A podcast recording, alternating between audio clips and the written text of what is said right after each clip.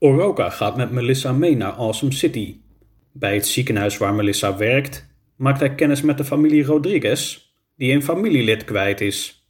Wat verder weg van het ziekenhuis wordt het, op een man die tegen een vuilnisbak staat te schreeuwen na, stil op straat.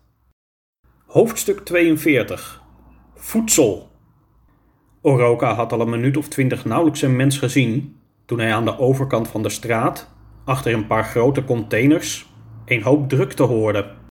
Hij stak de straat over en zag tot zijn verbazing een groot zwijn op het trottoir staan dat zojuist een vuilniszak uit een van de containers had getrokken. Het dier had de kop diep in de vuilniszak gestoken en maakte een hoop geluiden terwijl blikjes en ander afval uit de zak wegrolden. Rondom het grote dier stonden haar drie jongen.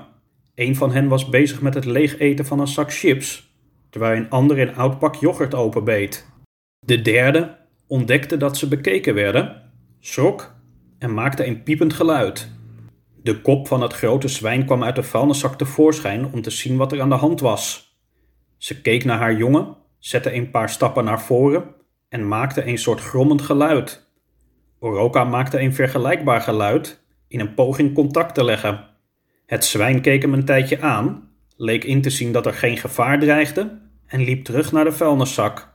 De vier dieren concentreerden zich weer op het afval en besteden geen aandacht meer aan hun toeschouwer, die nog even bleef staan kijken voor hij verder liep. Een paar straten verder stond plots weer een lange mensenrij, die deed denken aan de rij bij het ziekenhuis. Maar van de afname van coronatests was hier geen sprake.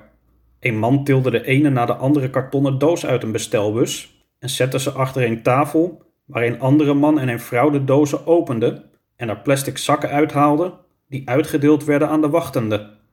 Achteraan sluiten, meneer, riep de man bij de bestelbus. Wat bent u aan het doen?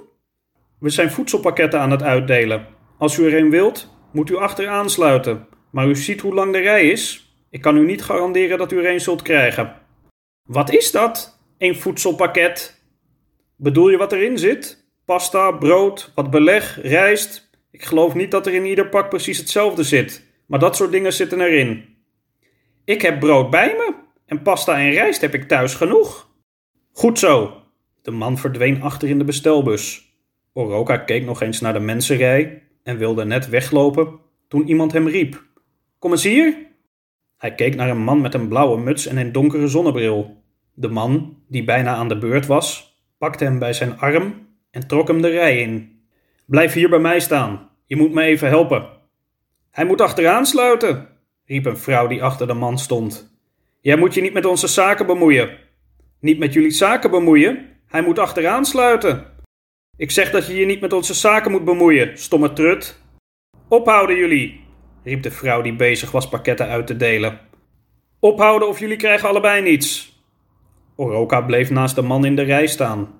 Het is een schande, fluisterde de vrouw die achter hem stond. De man met de blauwe muts en Oroka kregen allebei een voedselpakket in hun handen gedrukt. Jij komt niet uit Awesome City of wel? Ik heet Larry, zei de man die het voedselpakket van Oroka overnam en met twee tassen verder liep. Deze stad is inderdaad nieuw voor mij. Ik ben een dagje op bezoek. Ik kan je wel wat mooie dingen laten zien. Hier vlakbij is een plein met een mooie fontein. Daar kunnen we ook wat eten. Oroka volgde Larry door verschillende straten. Bij een verlaten basketbalveldje bleef Larry staan. Wacht even, ik moet even pissen. Larry zette zijn tassen neer en liep naar een vervallen woningblok waar met graffiti de woorden Fuck Corona op de gevel was gespoten. Toen hij terugkwam, zag Oroka direct dat er iets in zijn houding veranderd was. Nog voor hij in de gaten had wat er gebeurde, drukte Larry hem tegen het hoge hekwerk van het basketbalveldje. Je rugzak en je geld, nu! Oroka keek naar het grote, blinkende mes dat Larry vasthield. In mijn rugzak zit alles wat ik bij me heb. Geef hier dat ding. Nog voor hij zijn rugzak af kon doen, klonk achter de twee een laag, snuivend geluid. Larry liet Oroka los, draaide zich om en zag een groot zwijn bij zijn tassen staan. Weg jij, klote beest! Het zwijn, dat net zijn kop in een van de tassen had gestoken, keek op, waarbij de tas scheurde en aan een van de slagtanden bleef hangen. Hé, hey, verdomme! Het dier ging er met tassen al vandoor. Op hetzelfde moment klom Oroka vliegensvlug over het hek van het basketbalveldje. Larry probeerde achter hem aan te klimmen, maar merkte meteen dat hij veel te langzaam was. Oroka rende weg en klom even verderop over een volgend hek. Klootzak, als ik je te pakken krijg, vermoord ik je! Oroka rende door verschillende straten tot hij het gevoel had dat hij ver genoeg weg was om weer wat rustiger te kunnen ademen. Op een bankje voor een kleine supermarkt at hij een broodje en nam hij een paar slokken water toen hij merkte dat hij zijn plattegrond kwijt was. Hij keek nog eens goed in zijn rugzak, maar kon hem nergens vinden. Hij keek naar de gevel van de kleine supermarkt, die rood geschilderd was.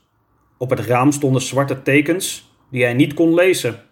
De supermarkt was open. Boven de deur hing een soort lampion waar ook tekens op waren te zien. Oroka liep naar binnen en werd vriendelijk begroet door een kleine vrouw met smalle ogen en een accent dat hij nog niet eerder had gehoord. Hij vertelde wat hem was overkomen en dat hij zijn plattegrond kwijt was. Het is een gevaarlijke buurt, herhaalde de vrouw een paar keer. Heb je een telefoon? Dan zoeken we een plattegrond op en laat ik je zien waar je bent. Oroka pakte zijn telefoon en veegde over het scherm, dat even oplichtte en vervolgens, met een brommerig geluidje, op zwart ging. Zul je altijd zien, lachte de vrouw. Wat is er aan de hand? Je batterij is op. Wacht maar. De vrouw vouwde een plattegrond uit op de toonbank. Hiernaast ligt een rijke buurt, normaal met veel toeristen, maar nu natuurlijk ook rustig. Hier. De vrouw wees naar een grote groene rechthoek. Dit is Supreme Park, beroemd. Het grootste park van de stad. Weet u waar het Awesome University Hospital is? Nee, maar ik kan het voor je opzoeken. De vrouw zocht het ziekenhuis op op haar telefoon. Dat ziekenhuis staat niet op deze kaart. Wacht, ik zal het adres voor je opschrijven.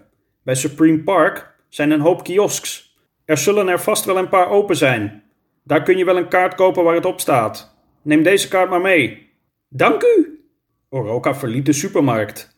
Hij sloeg een weg in die hij op de kaart zag staan en liep langs een geit die aan de onderste takken van een boom stond te knabbelen.